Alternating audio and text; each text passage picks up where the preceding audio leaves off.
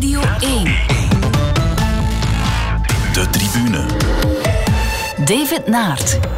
Goedenavond. Koers, koers, koers. Daarmee vat ik het komende uur samen, want ik heb twee echte wielergasten in de studio van de tribune vandaag. Dat zijn Jolien Doren en Sportsa-wielercollega Renaat Schotten. Dag Jolien, dag Renaat. Hallo. David. Jolien, eerst en vooral met een dagje vertraging, gelukkige verjaardag. Dank u wel. Het was gisteren, hè? Ja, het was gisteren, klopt. 31 geworden. Hoe heb je het eh, kunnen vieren? Ik heb het kunnen vieren door een koers te rijden. Dat was een grote prijs Oetingen. Um, dus het was een aparte verjaardag. Maar ik stond aan de startlijn en opeens begon een hele peloton Happy Birthday te zingen voor mij. eh, Vijf minuten voor de start. Dus uh, Ja. dat was wel opmer opmerkelijk en uh, dat was wel leuk. Ja, en je hebt het podium gehaald. Je bent tweede geworden in die Ja. wedstrijd. Eh, ik zag ook een foto achteraf. Eh, je stond daar met een gigantische pot bier. Dat had niks met die verjaardag te maken, denk ik. Of Nee, helemaal niet. De eerste drie eh, die kregen een pot bier. Wat Eh, doe je daar in godsnaam mee? Zeker van drinken. Maar toch niet te veel. Nee, nee, één slokje. Maar één slokje was al genoeg eigenlijk. Dus, eh, ja. Eh 31 ben je geworden en het is je laatste wielerjaar ook, hè, Renaat? Is dat niet jammer? Ik vind dat heel jammer, maar ik begrijp dat er belangrijkere dingen in het leven zijn dan koers. Dus eh, ze kan sowieso in schoonheid afscheid nemen met, met deelname aan die Olympische Spelen in, in Japan. Maar ik ga het jammer vinden, hè, want uiteindelijk 31, dat is jong. Hè? Ja, nee. ehm, ja, het is zeker niet te vergelijken zoals bij de mannen, denk ik. Hè. Ehm, maar 31 jaar, ik vind het zelf een mooie leeftijd. Ehm, en ik heb nog heel wat plannen eh, na mijn carrière. Dus eh, ik kijk er echt naar uit om, eh, om een tweede leven te beginnen. Ja. Is het alleen het moederschap, dur- moederschap, durf ik dan vragen? Of? Onder andere, maar ehm, ook op andere vlakken. Hè. Sportief gezien denk ik dat ik eh, nog zeker mijn steentje wil bijdragen aan de wielerwereld. Ehm, dus ja, er zijn nog heel wat vooruitzichten. Ja, we zullen daar straks nog eh, dieper op ingaan. Maar ik vrees eh, dat we nu al moeten vaststellen dat het zinloos is om Jolien van gedachten te doen veranderen tegen het eind van dit uurtje. Of toch, Jolien? Ja, nee, dat zal niet meer lukken. hè. Mijn besluit staat vast. Eh, dus ik maak er gewoon nog een laatste, laatste mooi jaar van. Dat lijkt mij een heel goed voornemen. Renaat, jij zat tot gisteren in Parijs-Nice en nu ben je al hier. Hoe, hoe is het geweest in Frankrijk? Eh, apart toch, zo'n Parijs-Nice eh, achter gesloten deuren. Al was er natuurlijk wel hier en daar eh, publiek. Eh, maar ik vond, ik vond toch een mooie wedstrijd. Met een aparte apotheose uiteraard, die slotrit. Maar eigenlijk heb ik alleen maar een, een gelukkige verliezer gezien. Dat klinkt misschien paradoxaal. Maar Roglic, ehm, het was een heel paradoxaal beeld. Je zou vermoeden dat hij als, als een geslagen hond in de mixed zone kwam na afloop, maar hij stond daar eigenlijk heel rustig interviews te geven, te analyseren wat er gebeurd was. Ehm, die barrage heeft een belangrijke rol gespeeld. Maar wat mij dan is bijgebleven, dat is het moment achteraf. Hij verliet de mixed zone en dan zag je zijn vrouw en zoon staan en hij moest zijn vrouw troosten. Het was niet de vrouw die Roglic moest troosten. Het was gewoon de omgekeerde wereld. Ik denk dat Roglic gisteren voor mij getoond heeft dat hij maar met één koers bezig is, de Ronde van Frankrijk. Ja, straks toch meer over Roglic, Parijs-Nice en ook Tirreno Adriatico. Maar eerst de momenten van de week. En voor het moment van Jolien keren we terug naar vorige week maandag. Maar Naar mijn gevoel zijn er heel veel fouten gebeurd. Ehm, maar goed, het is op dit moment onduidelijk wat dan mogelijk de, de verklaring kan zijn. Niemand heeft daar een antwoord op, maar zowel de testafname, die, die volgens mij niet, niet volgens protocol was, als dan de duur tussen de eerste test en de tweede test was allemaal veel te lang, veel te traag.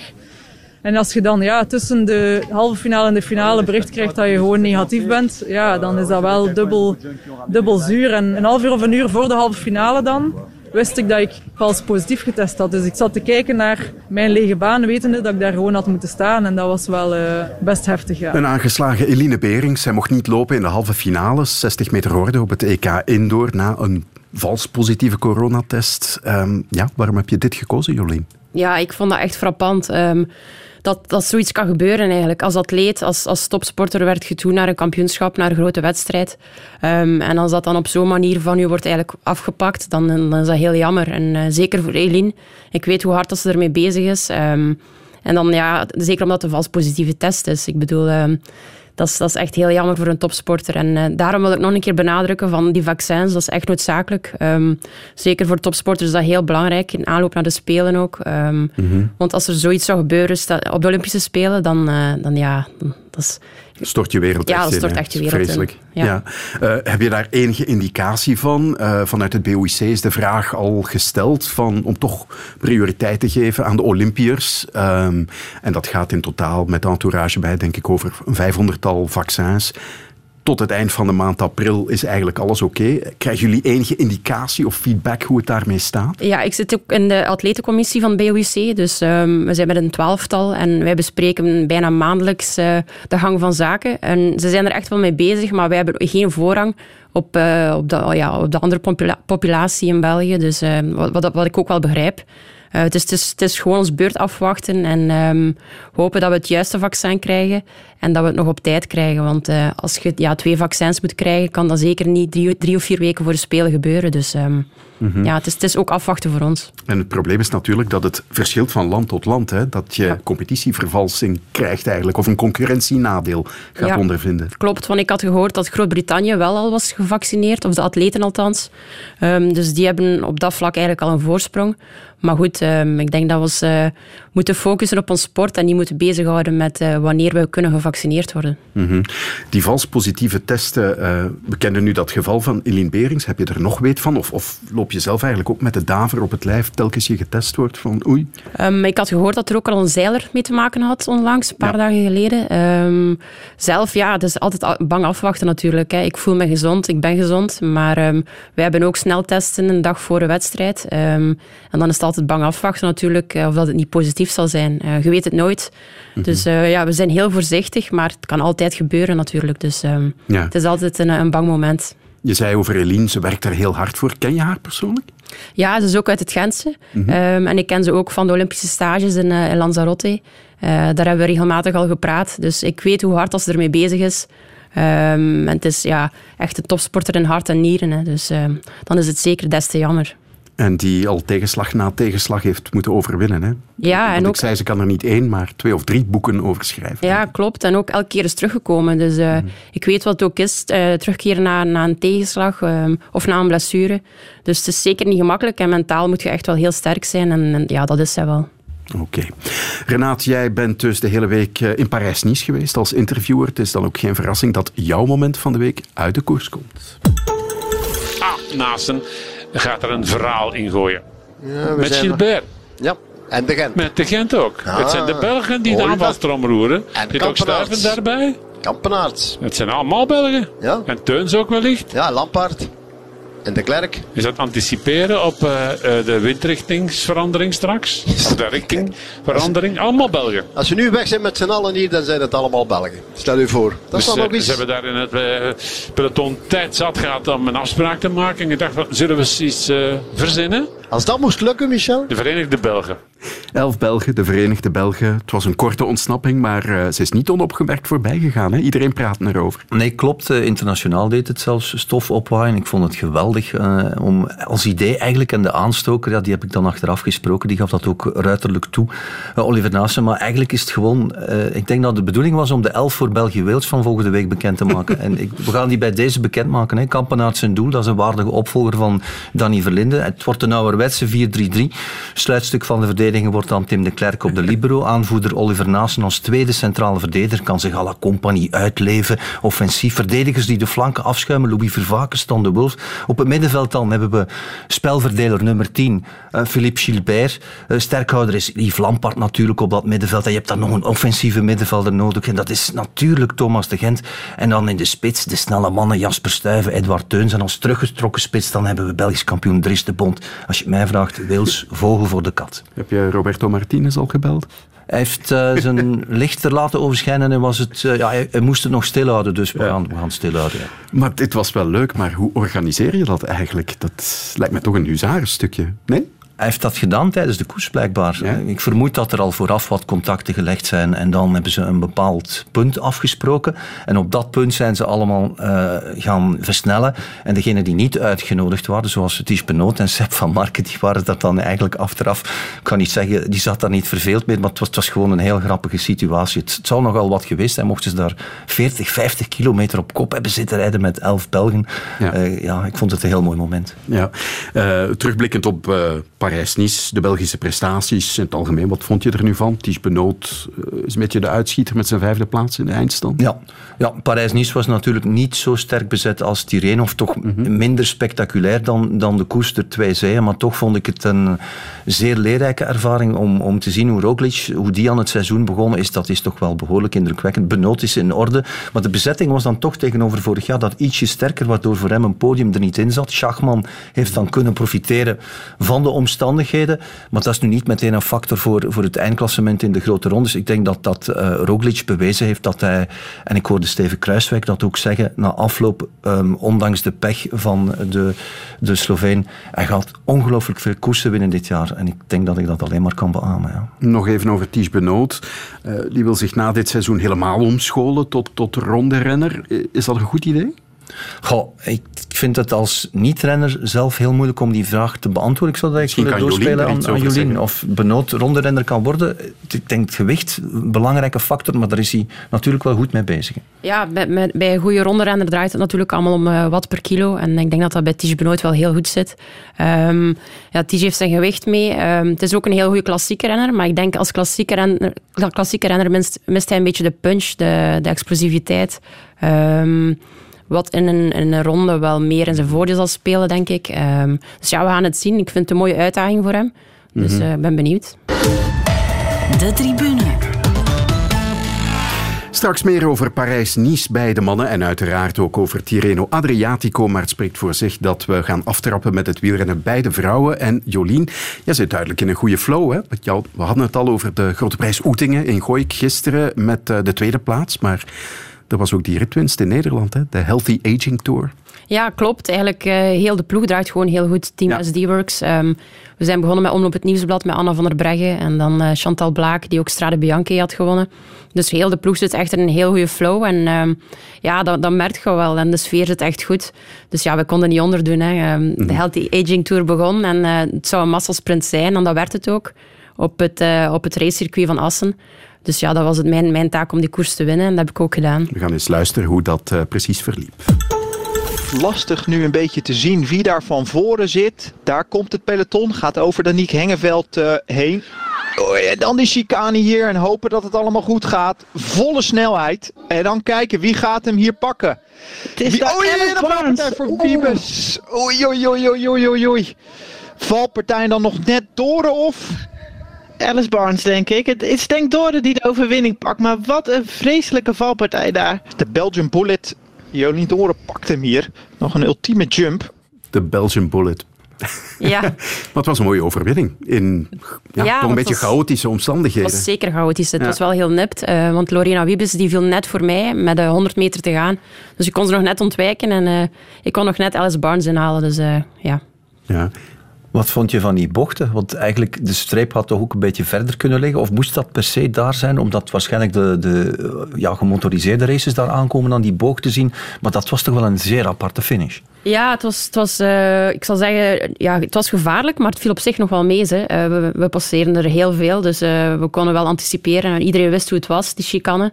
En de valpartij werd eigenlijk niet veroorzaakt door het parcours, maar ze reed gewoon op het achterwiel. Dus mm -hmm. nou ja, mijn complimenten wel aan de organisatie, want ze hebben wel alles in het werk gesteld om het allemaal te laten doorgaan. Dus de valpartij, ja, dat, was, dat was niet te vermijden. Dat was gewoon een accidentenparcours. Ja, de beelden die wij zagen, het leek me ons wel een beetje een desolate omgeving daar. Uh, niet alleen op dat circuit, maar, maar ook elders. Weinig of geen toeschouwers eigenlijk. Ja, slecht weer. Hoe is dat dan om te koersen? Ja, ze hebben eigenlijk speciaal het parcours wat aangepast. Dus ze moesten er altijd voor zorgen dat het een uh, afgesloten parcours was, niet op de openbare weg. Maar ik, dacht bij mezelf van ja, er, staat hier toch sowieso geen kat. Dus eigenlijk had het perfect kunnen doorgaan op de openbare weg. Maar dat zijn blijkbaar de maatregelen van, van de regering. Um, ja. Dus we moesten ook de laatste dag uh, rondjes draaien op de Vanberg. En dat was dan 35 keer op de Vanberg. Dus uh, ja, leuk is anders, maar uh, we zijn toch blij dat we konden koersen. Ja, uh, je hebt al gezegd, uh, wij wilden niet onderdoen voor onze ploegmatens die eerder op het seizoen al uh, zo goed deden.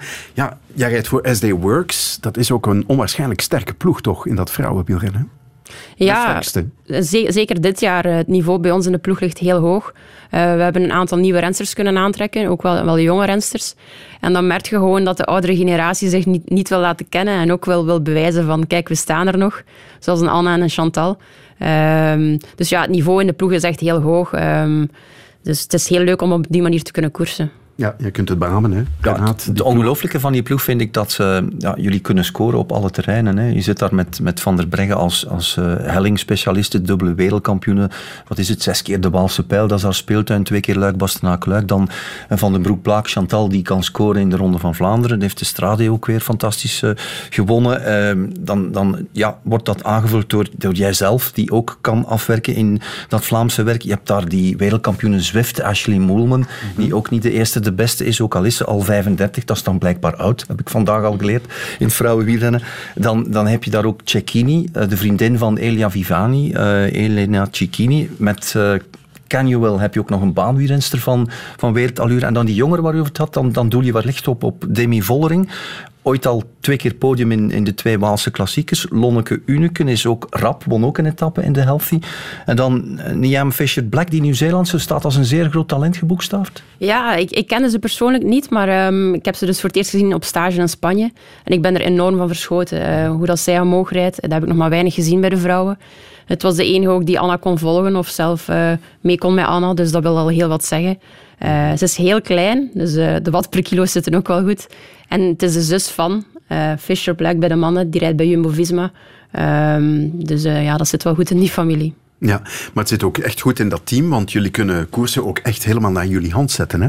Want in de Strade hebben we de overwinning van Chantal Blaak, maar er staat nog een ploegmate mee op het podium. Idem in de omloop het volk. Ja, dat klopt. is ook het handelsmerk wel van SD Works. Ja, dat is echt wel leuk koersen, want uh, wij, wij, wij, ja, wij, vertrekken elke koers met een plan. We hebben altijd een strijdplan uh, en dat proberen we altijd zo goed mogelijk af te werken. En tot nu toe is dat eigenlijk altijd gelukt. Uh, dus dan is dat wel heel plezant. Mm -hmm. eigenlijk ja, zit het ook een beetje met een luxe probleem, hè, want vooraf voor de koers vragen we altijd van ja, wie is er geïnteresseerd om deze koers te winnen? En dan moeten we onze hand omhoog steken.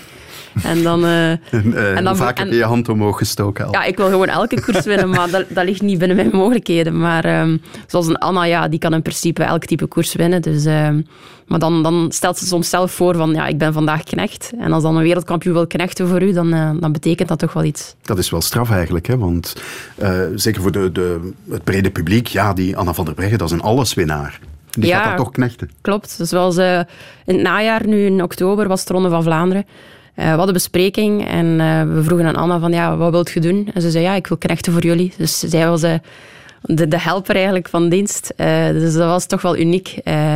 ja. Ze zei, ja, het interesseert me niet om te winnen. ik wil gewoon dat de ploeg wint en daarmee uit. Nou, wat mij benieuwt bij Anna van der Breggen, de persoonlijkheid. in interviews komt ze vaak toch een beetje verlegen over. Maar als je dan haar erelijst ziet, dat staat niet in, in verhouding tot, tot, ja, tot haar uh, interviews. Hoe is ze in het echt, vraag ik me dan af. Ja, ze, lijkt heel cool in de interviews. En dat is ze ook in de koers, moet ik zeggen. Ze blijft heel nuchter en zo. Maar um, als, je, als je ze kent, dan is ze... Ja, ze, ja, ze, is een gewoon mens. Ze, je vergeet soms gewoon dat ze Olympisch kampioen is, wereldkampioen is. Um, ik heb er nu uh, heel wat weken al mee op de kamer gelegen in de Giro op stage. Dus ik ken ze wel goed. En ja, ik kan alleen maar positief zijn. Hoe dat zij in het leven staat, uh, dat, is gewoon, uh, ja, dat is gewoon prachtig. Ze gaat ook stoppen op het einde van het seizoen. Is er een parallel te trekken tussen jullie beide verhalen? Ja, ik hoop dat ze ook stopt na het WK in Leuven. En dat zou mooi zijn als we dan onze, onze laatste koers samen kunnen rijden. Dus um, ja. ja. kijk er naar uit. Ja. Uh, ik wou daar net vragen, maar ik denk dat ik het antwoord al ken uh, op die vraag. Wat is jouw status eigenlijk binnen de ploeg? Maar dat hangt af van wedstrijd tot wedstrijd dan? Ja, dat hangt af van wedstrijd tot wedstrijd. Maar ik word ook aanzien als sprinter bij de ploeg. Um, dus van zodra dat er een kans is op een massasprint of sprint van een grote groep, dan kijken ze naar mij. De Belgian Bullet. Ja, ja die, die bijnaam raak ik blijkbaar niet meer kwijt. Maar je deelt die met de snoekerspeler Luca Bressel, dus ik weet niet goed van waar die komt dan. En, en ook met de bobslee. ja, ook al. Ja, ja. de Bullet. Dus, uh, ja. ik, heb, ik heb die zeker niet geclaimd, maar ik heb die gekregen in 2015, dacht ik. En uh, ik ben er sindsdien niet meer van afgeraakt. Ja. Nu, we kunnen dat allemaal vertellen, omdat er uh, veel meer vrouwenwielrennen ook te zien is. Hè? op televisie, online ook. ja, Renaat, jij die een van onze wielercommentatoren en interviewers bent, hoe heb jij dat zien evolueren de, de laatste jaren? Dat is toch echt een boom? Ik weet nog dat, ik, uh, dat er vreemd naar mij gekeken werd toen ik destijds zei van uh, Sanne Kant, uh, we moeten dat rechtstreeks beginnen brengen. En als je ziet van waar de, het vrouwenveldrijden komt en waar het nu staat, en het wegwielrennen is niet achtergebleven, dat is dan een specifieke Vlaamse situatie. Dat is een ongelooflijke evolutie op heel korte tijd. Dan hebben we ook nog die recente discussie met die evenwaardige prijzengelden. Ja. Ik denk dat, Zullen dat dadelijk nog over hebben. daar ook wel iets kan over Ja. vertellen. Maar het is fantastisch eigenlijk, die boom van het vrouwenwielrennen. Ik moet eerlijk toegeven dat ik op, eh, in een kwaad moment tijdens een ronde van Frankrijk, en dat moet dan een jaar of twee, drie geleden wel eens geweest zijn, dat ik dacht van, pff, Frankrijk, ja, zat ik nu maar in de vrouwen Giro. Heb ik echt gedacht. Ja. Ja, Jolien, jij hebt het allemaal van op de eerste rij meegemaakt. Als je terug gaat naar het begin van je carrière en waar je nu staat, ja, dat is een verschil van dag en nacht, toch? Ja, het is echt een heel groot verschil. Vroeger had je iemand zoals Marianne Vos en die won dan de Amstel Gold Race, de Ronde van Vlaanderen. En die won dan ook twee maanden later de Giro Rossa. Maar dat ziet je nu niet meer. Nu heb je echt eh, specialisten, je hebt sprinters, je hebt klimmers. Ehm, dus ja, het is, het is wel vergelijkbaar met de mannen nu. En ook, ja, soms is het wel deprimerend, want dan denk je, ik heb een goede winter gehad, eh, krijg betere waardes, krijg, krijg betere wattages en dan, dan start je de koers. En dan iedereen is gewoon beter geworden. Iedereen rijdt sneller en harder. En eh, ja, elk jaar stijgt dat niveau nog enorm. Ehm, opnieuw dit jaar is het niveau weer enorm gestegen. Dus ehm, ja, ik ben benieuwd waar het, waar het gaat eindigen. Maar als je dan kijkt naar de exposure van dat product vrouwenwielrennen, hoe kijk je daarnaar? Is dat oké? Of, of wat zie jij dat er toch nog beter kan? Ja, het betert wel. En ik vind ook dat, dat we de stappen die we zetten niet te groot mogen nemen. Ehm, als we stap voor stap verder werken, dan, dan komt het wel goed. En ik vind het al een eh, mooi initiatief dat heel wat mannenploegen nu een vrouwenploeg hebben. Ehm, dan merk je ook gewoon aan de professionaliteit en de begeleiding dat die echt wel optimaal is in die ploegen. En, en, en dat missen we nu nog wel. Ehm, nu is er nog een heel groot verschil tussen echt die topploegen, die World Tour ploegen en, en de UCI-teams. Maar die kloof zal eh, kleiner en kleiner worden met de jaren, denk ik. Mhm.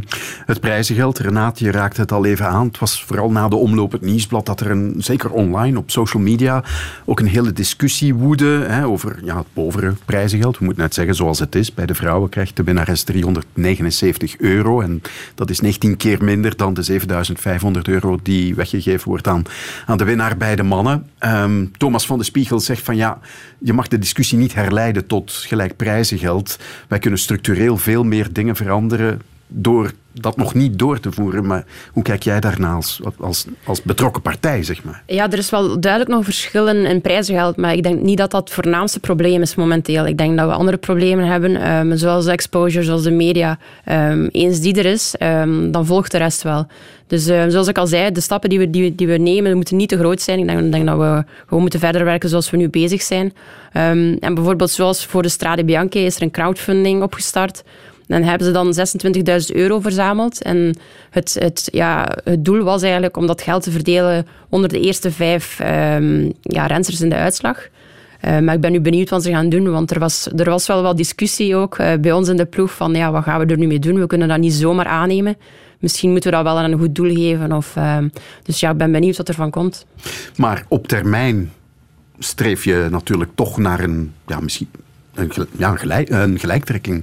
Ja, moest er echt een gelijkheid komen, zoals bij de mannen, dan, dan zou dat heel mooi zijn. Maar ehm, ja, we zullen zien. Eh, ik ben nu al blij dat er een minimumloon is voor de rensters van 20.000 euro per jaar. Ehm, dus dat is al een goede start. Ja, Ehm, dat is belangrijker op korte termijn, toch? Ja, ik vind niet dat de toprensters meer moeten krijgen, maar vooral eh, ja, de, de, de bodemlaag die, die moet beter ondersteund worden en ehm, Betere verloning. betere verloning. Ja, Ja, inderdaad. die prijzengelddiscussie is eigenlijk een beetje naast de kwestie. Hè, want eh, het prijzengeld stelt eigenlijk voor de, de mannen niks voor. Als je dat eh, macro-economisch gaat bekijken tegenover andere sporten, dan blijven zelfs de mannelijke wielrenners sukkelaars. En dan moet je ook in de grote orde maal 19 doen om te vergelijken met andere sporten. En dat is iets wat op termijn alleen maar zal opgelost worden mochten de tv-rechten in de koers echt boomen zoals ze bij andere sporten en disciplines doen. Maar dat is nog een ander verhaal, denk ik. Ja, want ik vond het ook interessant wat Thomas van de Spiegel van Flanders Classics eigenlijk zei. Eh, ik vind het veel belangrijker om nu ervoor te zorgen dat de Scheldeprijs ook met een wedstrijd voor de vrouwen komt. Ja. Ehm, hè, zoals we, de omloop is ook opgewaardeerd. eh, dat soort dingen vind ik Zoals geweldig. Parijs-Roubaix. Ja, De Ronde van Ook Frankrijk. de om Ronde die van maar niet De te Frankrijk. Ronde noemen. van. Frankrijk, ja. De Ja. Vuelta kan er ook misschien nog Ja, komen. maar ASO Ja. heeft eigenlijk een, een traditie in het negeren van de vrouwen. En ik hoop dat ze daar eindelijk eens mee stoppen. En als belangrijkste organisator eh, wereldwijd toch nog eh, meer gewicht in de weegschaal dan Flanders Classics. Kunnen zij het, het goede voorbeeld geven? Er moest al lang weer een vrouwenronde van Frankrijk zijn. Maar die Dat komt is, wel, hè? Ja, het is te hopen en zo snel mogelijk. Ook wel een heel goed initiatief van Flanders Classic is eigenlijk dat we later starten als de mannen. Dus dan finish- finishen we ook later. Dus eh, qua uitzendrechten is dat wel iets positiefs voor ons. En eh, we merken wel dat we daardoor veel meer exposure hebben. Ja, en het werkt ook wel, hè. Absoluut. En Een dat dik is uur na de finish Ja. van de mannen. Ja. Dus het is eigenlijk een gevolg van, van het coronaverhaal. Hè. Dus elk nadeel heeft zijn voordeel, daar zijn we weer. Eh, maar ja, je kan er maar gebruik van maken als, eh, als vrouwen wielrennen zijnde. Dus ik, ik vind dat eigenlijk ook een goede zaak. Ja, dat ik van de motor stap en nog naar de vrouwenkoers kan kijken. Eh, Jolien, jij, jij hintte daar net ook nog op. Na mijn actieve carrière wil ik nog wel iets betekenen voor de sport. Wat zou dat kunnen zijn? Ik zou toch wel meer willen focussen op de coachingkant van het verhaal. Ehm, dus ik heb al een, eh, een kine-achtergrond. En ik ben nu ook een coachingcursus aan het volgen. Dus mijn droom is eigenlijk om een soort van trainingscentrum op te starten. Ehm, mijn vriend is ook een bikefitter. Dus eh, dat past ook allemaal in het verhaal. Dus eh, dat zijn eigenlijk de plannen. En op wie mik je dan? Wie, wie zou je graag coachen? Maakt niet uit, iedereen die met een fiets rijdt. Dus van de wielertourist tot de competitieve wielrenner. ehm, ja, iedereen zou welkom zijn. En zou je het op termijn ook hogerop durven zoeken? Ja, Ploegleider, ja misschien wel. als, de wielerbond, ik- ik zeg maar wat. ja, als, als die vraag komt, ga ik daar zeker over nadenken. Ehm, ik, ik vind wel dat, dat het een beetje mijn plicht is om mijn kennis door te geven ehm, naar de jeugd. Naar, ehm, dus ja, ik zou dat zeker wel zien zitten. Mannen coachen, hè. Ja, dat kan ook. natuurlijk. Ja. Waarom niet? Ja, waarom niet? Je, je ziet het wel. eh, Er is nu ook een vrouwelijke sportdirecteur bij de mannen. In het World Tour peloton. Dus ehm, ja, wie weet. Stap voor stap gaan we er nog komen. hè? Inderdaad. De tribune. En mijn gasten vandaag zijn Jolien Doren en Renaat Schotten. De koers bij de vrouwen komt meer en meer in beeld. En wat zijn we blij dat we in deze hoogdagen natuurlijk ook naar de mannen kunnen kijken. Want Tirreno Adriatico en Parijs-Nice waren om duimen en vingers bij af te likken. Gaat iemand nog Wout van Aert remonteren of is het meteen raak? Daar komt Kellepioen. Kellepioen of is het toch nog Van Aert? Het is Van Aert die bij zijn tweede koersdag meteen raak treft. Wout van Aert wint de eerste rit in de Treno Adriatico. Julien Alaphilippe pour euh, tenir. Attention à Mathieu Van Der Poel. Victoire de Julien Alaphilippe. Le Français s'impose sur cette deuxième étape de Tirreno Adriatico. Van der Poel tegen Van Aert, het koningsduo. Zij aan zij. Van der Poel heeft meer kracht, heeft meer energie over. En het is Van der Poel die na Alaphilippe en Van Aert de ritten binnenhaalt. Het helpt weer aan de kant van Van der Poel als het mij vraagt. In een eh, zinderende slotfase heeft hij nu al een Merciaanse prestatie geleverd. Het adjectief dat toch wel het best past bij zijn exploot. Hulde aan Mathieu van der Poel. Niet alleen hulde aan Mathieu, maar ook aan Alaphilippe en Wout van Aert. Want het was een geweldige week. Elke dag bracht een nieuw verhaal. Je hebt dat vanuit Parijs-Nice toch ook met één oog gevolgd. aan. met meer dan één oog. Toen, toen gisteren Van der Poel bezig was aan, aan die eh, ja, strooptocht, dan, ik ben gewoon gestopt met Parijs-Nice volgen. Ik, eigenlijk hoort dat niet, maar goed. Ik, eh, ik heb me geïnstalleerd in de wagen en dan eh, een, een tv-signaal gezocht en, en zitten kijken naar wat er gebeurde. En dan, ja, dan was dat eigenlijk onwaarschijnlijk natuurlijk om, om hem in de problemen te zien komen op het einde. Blijkbaar is het zijn langste solo ooit geweest. Hij heeft er al wat op zijn actief. En ja, heeft hij dan nu een hongerklop gehad of niet? Het leek bijna een heruitgave van, van Yorkshire. Het WK. Ja, slecht weer. Blijkbaar heeft hij daar toch iets mee. Maar ik hoorde Wout van Aert dan achteraf ook zeggen... Ja, eh, elke winter ligt Mathieu te klappertanden in de hoek na een veldrit en de volgende dag rijdt hij ons weer naar huis. Dus ja, eh, het was gewoon geweldige sport. En ik denk dat we eigenlijk op dit moment gewoon toekoer fenomenale wielertijden beleven met die, die hele generatie die overgenomen heeft en de manier waarop ze rijden. Straks gaan ze nog het wegwielrennen heruitvinden. Onze crossers, tussen aanhalingstekens. Ik vind het, ik vind het prachtig. Ik denk dat wel. Ja. Ik denk dat wel. Dat je echt mensen over de streep gaat trekken die weer echt geboeid naar de koers gaan beginnen kijken. Ik, ik lees daar in eh, de Engelse pers ook eh, een artikel over. Het, de aanleiding was het WK veldrijden Ja. en het duel tussen die twee. En hoe, ja, gewoon die twee sporters tegenover elkaar. En da- daar wordt dan lyrisch over geschreven. Het was in de Times, denk ik. Dat Het ik, eh, mooie is ook dat ze dingen doen waarvan dat we verwachten dat ze, dat ze het niet zouden doen. Ehm, normaal in het verleden, de kampioenen die wachten tot de finale of die wachten tot een, een belangrijke beklimming. Maar Van der Poel die demareert gewoon op ja, 80 kilometer van de finish. En, eh, en die wint dan ook gewoon. Dus, ehm, Ik heb, ik heb koud, zei hij. Ik ga demareren. Ja, wel, door zo'n uitspraken te doen, maakt hij zich heel geliefd bij, bij, bij het volk natuurlijk. Hè. En dat is ook het mooie gewoon aan Van der Poelen en aan Van Aert en aan Alaphilippe. Um, ze doen gewoon onverwachte dingen en uh, dat is iets waar dat publiek op wacht, denk ik. Ook mooi was die uitspraak van ex-wereldkampioen Kwiatkowski na afloop. Die zei, deze etappe verdient een monument te zijn. Vond ik ook een mooie. Maar we zullen eerst uh, Van der Poel zelf het verhaal nog eens laten doen. Ja, ik kan me niet herinneren dat ik ooit zo diep ben geweest in een wedstrijd. Ja. Ja, waarom, waarom van zo ver?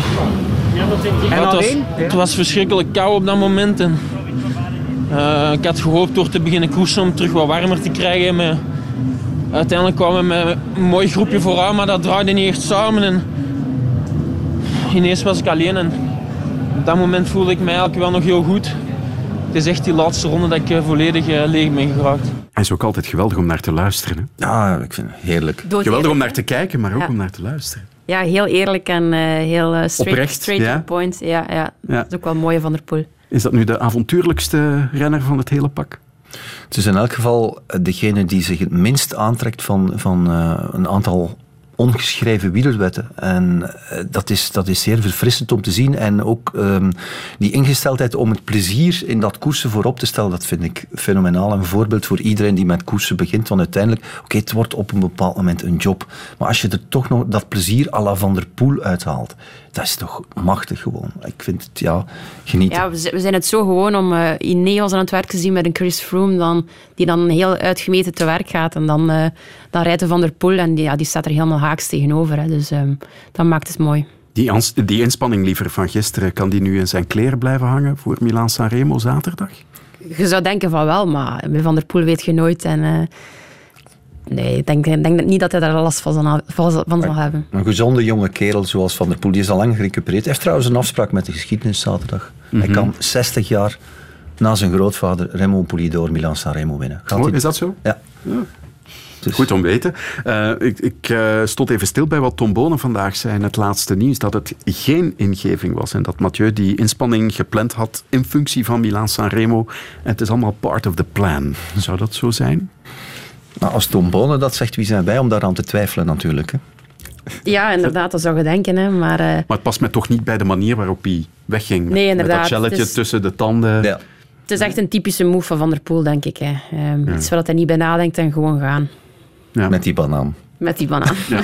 Uh, jij hebt er alle vertrouwen in voor Mathieu van der Poel zaterdag in Milaan San Remo. En het verleden leert ons inderdaad, Renaat, dat hij wel snel recupereert. Want vorig seizoen uh, heeft hij nog eens zo'n solo gedaan in de Bing Bang Tour. En dan last minute beslist hij eigenlijk om de dag nadien Luik, Bastenaken Luik erbij te nemen en wordt hij zesde. Ja, klopt. Maar nu is Milan San Remo natuurlijk wel een heel andere wedstrijd dan zo. Heel erg lang. Ja. Ja, en een andere, ja, het is, het is een andere dag. Je begint weer van nul. Het is een super lange wedstrijd. Hij heeft er nog niet zo ervaren in, maar ik denk niet dat dat het verschil zal maken. Um, maar velen zullen geroepen zijn, weinig uitverkoren. Ik hoorde John Degenkolb vrezen gisteren. Ja, over een week is het misschien slecht weer. Misschien hoopt hij daarop. En dan krijgen we weer een ander verhaal. Uh, ja, goed, fascinerend is altijd die aanloop richting Milan-San Remo. Ja, Mathieu van der Poel is een van de toppers. Wout van Aert is een andere. Leg die nu eens naast elkaar. Jolien, vergelijk die eens. Uh, wat, ja, wat, wat, springt er bij jou uit als je die twee met elkaar vergelijkt? Het is altijd de strijd tussen die twee. En ik denk dat de media dat ook heel wat opklopt. Um, ja, maar wij smullen van duels, hè? Ja, inderdaad. Um, maar ja, het zijn gewoon echt twee, twee kanjers. Hè. Heel, heel grote talenten. Ik denk dat het gewoon een gouden generatie is. Um, nou ja, ze, ze hebben el, elk een kwaliteit. En ik denk dat Wout van Aert gewoon heel sterk is toekoer in, in de sprint, bergop, uh, tijdrijden. Die kan gewoon alles aan. Uh, van der Poel is meer ja, onbezonnen. En um, ja, op dit moment kan hij ook alles aan. Um, dus ja, het zal een hele mooie strijd worden, denk ik, in Milaan-San Remo. Heb je zulke figuren in het vrouwenwielrennen? Um, nu moet ik even denken. er zullen er wel zijn, maar... Ja, zoals een Van der Poelen van Aert, zijn er maar twee, denk ik. Dat is redelijk uniek. Ja, dat is wel een zegen voor de sport. Ja. Wout van Aert, daar gaan we het eens even over hebben, want ook hij laat uh, heel erg mooie dingen zien in Tirreno Adriatico. Wat hij doet is buitengewoon. Buitengewoon sterk. Dus uh, als dit een examen was, dan krijgt hij van mij de grootste onderscheiding. Maar uh, de ploeg, die krijgt geen voldoening. Heeft nu bewezen dat hij daar inderdaad als kopman kan functioneren. En dat als hij beter omringd is, eh, dat hij dat kopmanschap nog beter kan uitspelen. Dat hij met andere woorden ook nog dichter bij de ritwinst kan komen. Maar degene die wint, luistert wel naar de naam Pogacar. Dat is geen sukkel uit, dat weten we ondertussen. Dat was de analyse van Michel Wuits. En inderdaad, als je naar het klassement kijkt, uh, Pogacar is outstanding, maar Van Aert laat heel wat klassementsmannen achter zich. Dus... Ja, maar ik denk niet dat hij deze Tirreno Adriatico had kunnen winnen in welk scenario dan ook. Mhm. Omdat, ja, ik blijf met het gevoel zitten dat, dat, dat Wout geen renner is voor grote rondes. Dat is vorig jaar natuurlijk veelvuldig geopperd. In Italië voeren ze dezelfde discussie rond Ganna, die dan ook uh, zware bergetappen wist te winnen, die ook die tijdrit heeft. Ik denk dat de gewichtsklasse van, van Wout daar toch een beperking is. Maar dat hij natuurlijk in zo'n uh, koers van een week wel kan scoren, ja, dat staat buiten kijf. En ik denk dat hij, als hij runner-up is morgen, dat dat het hoogst haalbare is en dat dat op zich ook al een, een fenomenale prestatie is. Ja, zeker weten. Ehm, ik kan ervan meespreken, want ik weet wat het is als sprinter zijnde, om dan ook nog over die bergen te kunnen. Dat, is, uh, dat zijn eigenlijk twee uitersten. En als je, en als je het alle twee kunt, dat is, dat is echt uniek. Ehm, en ik denk ook, ja, een, een, ronde van Frankrijk, dat is een ronde van drie weken. Dat is toch nog een ander gegeven dan, dan een ronde van een week. Dus ik denk dat hij zich gewoon moet blijven focussen op die sprints. Um, in dienst ook van, van, van zijn kopman in de Tour. Um, en er gewoon plezier aan hebben en um, gewoon verder doen zoals, het, zoals dat hij nu bezig is. En dus uh, mik maar op de groene trui dan in die Tour? Ja, ik zou zeggen van wel. Waarom niet? Um, het, het, kan wel, hè. voor etappes gaan en voor die groene trui. Dus ja. Dat zal hij dan alleen moeten doen, denk ik. Want ik denk echt dat het project Roglic dit jaar in het teken staat van de grote revanche. En als Wout dan voor groen wil of mag gaan, dat hij dat alleen zal moeten doen door de omstandigheden, omdat hij nu eenmaal in de ploeg zit waar hij rijdt en daar, daar moet hij zich op dit moment bij neerleggen. En, maar hij voelt zich daar gelukkig, dus ik denk niet dat hij het gevoel heeft dat hij daar aan zijn lot wordt overgelaten bij Jumbo-Visma, in tegendeel. Mm Michel had het er al over dat hij in deze Tirreno eigenlijk door zijn ploeg niet zo goed omringd is. Uh, ploegleider Marijn Zeeman heeft daar eh, gisteren iets over gezegd in de Nederlandse podcast In het Wiel dat zou heel erg mooi zijn. Ehm, dat je dan ook in deze wedstrijd, nou ja, iemand had gehad, uh, wellicht à la Sepp Koes bijvoorbeeld, die, ehm, ja, die, die uh, nog bij Wout had kunnen zitten. Uh, en, en ja, weet je, het is zeker wel zo dat in de toekomst, ehm, ja, nu duidelijk is dat hij dus dit ook, dat hij gewoon voor de eindoverwinning meedoet. ja, dat, dat we daar ook in de ploegsamenstelling nog meer rekening mee moeten gaan houden, ook in etappekoers in de etappekoersen, maar dan gaat het denk ik bijvoorbeeld over een ronde van Zwitserland. Ja, dat, misschien soort, wel. Dat soort koers. Ja, maar ik denk dat Jumbo-Visma ook eigenlijk nu door de, door de periode, het tijdvak waarin men koersen, niet anders kan dan, dan bepaalde beslissingen maken. Op dit moment is het Rijk niet aan de, de rondrenners. Die Parijs-Nice en Tirreno Adriatico worden eigenlijk nog altijd voor een groot stuk in functie van eendagskoersen gereden. Ook waardoor die selecties anders zijn dan in de periode van de grote rondes. Dat is gewoon een gegeven dat, dat, uh, ja, dat, is, dat is al jaren zo en dan, dat gaat niet meteen veranderen omdat Wout van Aert nu kans maakt of een, ja, om, om Tirreno te winnen. Maar dat ging nooit gebeuren, denk ik, met Pogacar op die manier in het deelnemersveld. Ja, we miskijken ons daar denk ik ook een beetje op nu, op die Tirreno. Want qua bezetting is het een formidabele wedstrijd. Maar het blijft een voorbereidingskoers. Goh, um, of niet? Ja en nee. Um, Vroeger was dat meer het geval dan nu, denk ik. Ehm, toen, toen er nog niet zoiets bestond als de World Tour. Al is ook dat relatief, want wat is de echte waarde van de World Tour? De, World Tour heeft niet dezelfde waarde als, als een ranking in andere sporten waar er met ranglijsten gegoocheld wordt. Dat is nog altijd niet zo in het wielrennen. Dat heeft ook te maken met dan die economie en al wat daar rondhangt. Er is ook geen prijzengeld verbonden aan de World Tour. Maar als je een World Tour kan scoren, dan scoor je punten. En dat is dan weer wel van belang voor zowel mannen als vrouwen. En die punten bepalen heel veel over dus uh, het, het, is voorbereiding, maar het is ook een doel. Voor Pogacar is dat gewoon een doel. Tirreno Adriatico winnen. Roglic, idem dito. En Wout, ja, die, rijdt daar, die kan daar dan op twee benen hinken. Die kan hopen, mocht Pogacar hier nu nog niet top, top, top zijn, dan kan ik Tirreno winnen. Zelfs met een bergrit erin. Uh, dat is natuurlijk uh, ja, een ongelooflijke luxe situatie voor Wout van Aert. En ook in deze coronatijden denk ik, of merk ik toch wel dat de renners zoiets hebben van we pakken gewoon alles mee wat we kunnen ja. meepakken. Um, dus elke koers is gewoon belangrijk. Uh, maakt niet uit of dat voorbereidings, voorbereidingskoers is of niet. Stefan Bessage, dat is een rode draad doorheen het hele seizoen. Sinds de herneming, eigenlijk vorig jaar, de Strade Bianche begin augustus. Er wordt gekoest op leven en dood. Soms iets te letterlijk, maar het levert wel ongelooflijke koersen op. En in die zin leven we in een superrijk wielertijdvak. Maar is dat volgens jou ook de verklaring dat de Tour-topfavorieten, uh, Pogacar, maar ook Roglic, nu al in topconditie zijn, zo vroeg op het seizoen? Ja, ik denk dat dat er zeker mee te maken heeft. Um, als ik ook kijk bij de vrouwen, bij ons normaal was Omloop het Nieuwsblad, dat is altijd onze eerste koers. En iedereen altijd, had, altijd, had altijd iets zoiets van, van ja... Um, afwachten, de eerste koers, uh, de weersomstandigheden. Maar nu wil iedereen gewoon top zijn. Um, iedereen was ook top en het niveau lag echt super hoog. En uh, ik denk dat de, gewoon de zwaarste omloop het nieuwsblad was die we al hebben gereden. Dus uh, ja. Ja, dat bewijst het wel. niveau lag vorig seizoen, heel het seizoen, post-corona, eerste golf, erg hoog. En de lijn wordt gewoon doorgetrokken. Ja. Nu, hè. ja. ja. ja. Uh, Parijs-Nice moeten we nog even bespreken natuurlijk, uh, Renate. Jij was uh, bevoorrecht getuige van het geluk en het ongeluk van Primoz Roglic. Oppermachtig, drie ritten gewonnen, maar dan toch weer geen eindwinst. Ik denk wat uh, Grisha Nierman zei, de ploegleider, dat dat de nagel op de kop was. Als ze uh, daar geen barrage maken naar die tweede val. Want blijkbaar, en dat is toch wel straf, heeft, is de wedstrijdjury er gisteren in geslaagd om de gele trui in uh, een koers als Parijs-Nice niet op te merken in de problemen gevallen, waardoor ze eigenlijk uh, zonder het te wisten barrage maakten. En dat was einde koers voor Roglic. In die situatie kon hij nooit terugkeren. Als ze daar geen barrage maken, keert hij altijd terug en spreken we over Roglic, winnaar, koers naar de zon. Ben ik van overtuigd. Mm -hmm. uh, maar hoe ligt hij in het peloton? Uh, had hij zaterdag mm -hmm. misschien wat meer vrienden kunnen maken als hij Meder had laten winnen? Goh. Ik denk van niet. Hè. Het is profsport. Als je kan winnen, moet je winnen. Als je, het is een ander uh, tijdperk geweest, maar, maar over het cadeau van Armstrong en Pantani is ook zoveel gezegd en geschreven. En, en ik denk ook dat Roglic ook in deze tijden juist niks mag laten liggen. Want als het, als het over een week of twee of drie weken onmogelijk zou zijn door versoepeling, verstrengingen, dan, ja, dan ja, nee, je mag gewoon niks laten liggen in, in deze tijden. En hij had hem natuurlijk kunnen laten winnen, maar ik denk niet... Ik, ik hoorde de renners eigenlijk in, in een vraag daarop unisono zeggen ja, ze gaan op mij ook niet wachten of ze gaan mij ook niet laten winnen. Dus in, in het peloton wordt daar vrij filosofisch.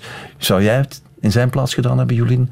Ik denk het niet. Ik denk, voilà. uh, als wielrenner of wielrenster wil je gewoon alles winnen. Ja. En als die kans er is, dan grijpt je die gewoon. Ja. Ja, dat is inderdaad een gezonde honger. Uh, dit thema wil ik nog afronden met de voorspelbare vraag van de week voor de mannen. Wie wint Milaan-San Remo? ja, dat is een moeilijke. Uh, dan denk ik toch Mathieu van der Poel. Goh, ja, dan heb ik geen keus natuurlijk, hè, wat vanuit. maar ja, voor wie liggen de kaarten beter? De, ze liggen voor allebei even goed. Het draait om details in een wedstrijd als, als Milaan-San Remo. De positionering, als je uh, aan de voet van de Poggio komt. Vorig jaar heeft, heeft Van Aert daar een reuzenzet gedaan. Die, je kan dan achteraf zeggen, de domino-steentjes vallen allemaal de juiste richting uit. Heeft dan nog net genoeg over om in de achtervolging te gaan op de top. Uh, net voor de top van de Poggio om dan bij Alaphilippe te komen. Zou het niet machtig zijn mochten ze met z'n drieën op zwier gaan op de Poggio en dat drietal het dan uitmaken voor... Ja, dat, dat zou een droomscenario zijn. En daar zit je dan nog met, met een stoorzender als Gilbert. Wie weet wat die nog uit zijn hoge goed tovert. Want hij is er wel mee bezig, denk ik hoor. En welk scenario dan ook. Hij heeft zeker zijn boontjes te weken gelegd op, op Milan Sanremo om zijn Strive for Five, zijn vijfde monument binnen te halen. Of misschien is Van der Poel al weg voor de Poggio. Ja, op ja. de Cipressa. Nog eens een solo. Hè? Ja, ja. De tribune. De tribune inderdaad met Jolien Doren en Renaat Schotten. Uh, Jolien en Renaat, jullie kennen elkaar al lang, hè? Van de piste, ja. Ja, ja, ja het baanwielrennen uiteraard. Hè. Ik bedoel, uh, Jolien is er mee verantwoordelijk voor dat ik een van de mooiste momenten in mijn carrière heb mogen meemaken. Dat is een medaille becommentariëren op de Spelen. Uh, dat Omnium in Rio, ja, dat zijn gaan we straks nog even uit het archief halen. Ja. Maar klopt het, Jolien, dat jij uh, ooit zelf eens gevraagd hebt of je co-commentaar mocht geven bij Renaat? Ja, klopt. Um, dat was op het WK in Hongkong. Uh, toen moest Nicky de Grendelen de keiren rijden en toen had ik dat gevraagd. Want uh, ik wist dat het een, een, mooi moment zou zijn, dus ik was er getuige van. En hoe was het? Ja, heel zenuwslopend. Ik was echt heel zenuwachtig. Maar dan als je commentaar geeft, moet je dat echt uh, onderdrukken. Maar dat was helemaal niet makkelijk. Dus uh, alle respect voor Renaat. Ja, je hebt dat heel goed gedaan toen. Dat weet ik nog. Ja. Maar nu snap ik waarom je uh, het volgende antwoordde toen je vorig jaar werd gevraagd in de aanloop naar de uitgestelde Spelen uiteindelijk wie de ster zou worden in het baanwielrennen in Tokio. Weet je nog wat jouw antwoord was? Het was op sportsa.be. Nee, dat weet ik niet meer. Renaat Schotten. Juist. Kan ik dat vergeten? Ja, ja. klopt. Maar uh, ja, ondertussen, de Olympische Spelen, ze komen stilaan toch dichterbij, met nog links en rechts wat vraagtekens over hoe het er precies aan toe zal gaan, maar we gaan ervan uit dat ze zullen doorgaan. En dat wordt heel belangrijk voor jou, hè? met Lotte Kopecky, de, de, de koppelkoers. Ja, Hoe. Uh, leeft het stilaan bij jullie beiden? Ja, het leeft echt enorm. Hè. Um, ik denk dat we beiden in goede doen zijn. Um, en als tactisch alles goed zit die dag, dan, uh, dan kan er wel iets in zitten. Dus. Maar het is altijd afwachten. Hè. Het is één koers, er kan van alles gebeuren. Um, je moet het nodige geluk hebben, je moet cool blijven op de juiste momenten. Dus het is afwachten, maar ik denk dat we beide de, nodige ervaring hebben, um, nodige talent en uh, dan moet het er maar uitkomen. Hè. Ik vind dat altijd zenuwslopend om naar te kijken, die koppelkoers. Hoe beleven jullie dat tijdens die wedstrijd? Want soms komt dat zo chaotisch over uh, op, en wie rijdt ja, waar. En... Op de fiets valt het wel mee, maar de eerste tien ronden is sowieso heel zenuwslopend, heel hectisch. En dan is het hopen dat je niet valt. Um, maar daarna, eenmaal de wedstrijd echt op hang is, dan, uh, dan kunnen we tactisch spelen en dan, uh, ja, dan, dan valt het mee. Oké. Okay. Um, je vormt een duo met Lotte Kopecky. Zijn jullie nu collega's of ook vriendinnen? Ja, we zijn collega's op de baan. Uh, we rijden samen op de baan. Maar dan op de weg zijn we eigenlijk concurrenten. We rijden voor een ander team. Um, dus het is een beetje schipperen tussen, tussen beiden. Maar um, ja, dat, dat lukt wel. Um, ook zoals op een Belgisch kampioenschap op de weg zijn we echt concurrenten. Uh, dus het is een niet... fantastische wedstrijd ook om ja, te kijken. klopt, klopt. Dus het is niet altijd even gemakkelijk om de balans te vinden. Maar uh, ik denk dat we die ondertussen wel hebben gevonden. En uh, op de baan kunnen we elkaar perfect uh, vinden en, en, ook aanvullen. Dus uh, ja, dat is het belangrijkste. Jullie kunnen elkaar Olympisch kampioenen maken. Hè? Jullie zijn per slot van rekening de allereerste wereldkampioenen ploegkoers uit de geschiedenis van het vrouwenwielrennen. Het is nog altijd een jonge discipline. Dus ja, dat is geschiedenis schrijven. En, dat, zou, en, dat zou uniek zijn. Hè? Ja, en, ja, voilà. Dan zou ik mij gerust goed kunnen stoppen, denk ik. En hoe belangrijk is uh, het vormpeil op de weg? Hè? We hebben het al gezegd, jij, jij zit in een goede flow, maar Lotte eigenlijk ook. Hè? De Belgische titel hebben we al gehad.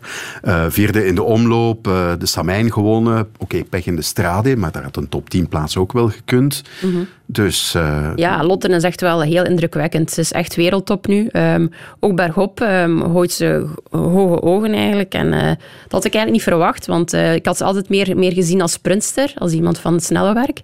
Maar bergop kan ze gewoon mee met de wereldtop en dat is wel, ja, chapeau. Zeg jij dan dat jaartje uitstel voor de Spelen, dat komt jullie eigenlijk alleen maar beter uit? Voor Lotte sowieso wel. Dus ik denk voor ons beiden is dat zeker voordelig. Um, dus ja, dat is zeker positief geweest voor ons. Ja, we gaan een ploegkoets voorbereiden. Oké. Okay. en ik had je een archieffragmentje beloofd, Renaat. Jouw mooiste moment als commentator in het baanwielrennen, de Olympische medaille van Jolien Door. Ze staat heel dicht bij een medaille. Maar wat wordt de kleur? De hammer versnelt in het spoor van Alice. Jolien kijkt achterom. Ah, ze zit op de limiet. Ze zit op de limiet en we gaan naar de laatste ronde. En het zit er niet meer in om nog te moven, om nog zilver te veroveren. Maar het gaat brons worden hoor. Het gaat brons worden. Ze is helemaal stik kapot gereden, buiten beeld. Maar het is binnen, dames en heren. Die eindsprint wordt gewonnen door Hammer. Hammer die hier stevig haar uh, zilveren medaille gaat bevestigen. Alice wordt nog tweede. Maar het is gelukt. Jolien Doren heeft de medaille veroverd op het Olympisch Omnium bij de vrouwen. Ze heeft brons, dames en heren. Het smaakt naar meer bij jullie allebei, heb ik dus onthouden. Uh, maar ja, um, die ploegkoers, hoe is die nu geëvolueerd de voorbije jaren? Want je zegt ja. het, het is een jonge discipline, maar zelfs op die korte tijd merk je toch dat dat niveau pijlsnel de hoogte ingaat. Ja, op, op het eerste WK zijn we eigenlijk gelijk uh, wereldkampioen geworden, maar toen was het niveau helemaal niet zo hoog. Toen werd er eigenlijk gewoon gereden van sprint naar sprint. En was er weinig sprake van tactiek. Um, maar nu, iedereen heeft erop ingezet. Um, niveau is gestegen. Um, Ook technisch, hè? Die aflossingen. Jullie ja. waren op dat eerste WK eigenlijk ja, met Klopt. voorsprong het duo dat de beste aflossingen maakte. Ja, je merkt gewoon dat alle landen erop hebben getraind. En terecht natuurlijk. Het is een Olympische discipline. dus technisch is iedereen zeker even sterk. dus nu komt het aan ja, op, uh, op de uithouding, hè, op de conditie. maar goed, daar heb ik ook wel alle vertrouwen in nu. Ja, uh, maar hoe realistisch is die medaille? Ik zwijg, ik zwijg nog over goud, of maar schat eens in. Maar ik denk zeer realistisch, omdat, omdat ze specialistisch zijn, omdat ze elkaar door en door kennen, omdat ze die ervaring hebben om dat te spelen, wat we daarnet zeiden, op het juiste moment komen. Uh, en dan hangt het weer, zoals in veel wedstrijden, van een aantal details af en die puzzel die net op de juiste plek in elkaar moet passen. En als dat dan gebeurt, en, ja, dan, dan kan je zomaar Olympisch kampioen worden. Dat, maar het verschil tussen 1 en 4 is vaak niet groot, hè. dat is ook een feit.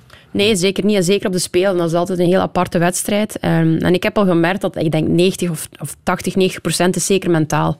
Um, op de Spelen is iedereen gewoon top, fysiek in orde. Um, en dan is het gewoon, ja, wie kan er cool blijven? Wie kan er rustig nadenken en wie kan er omgaan met de druk? dat is gewoon super belangrijk. Uh.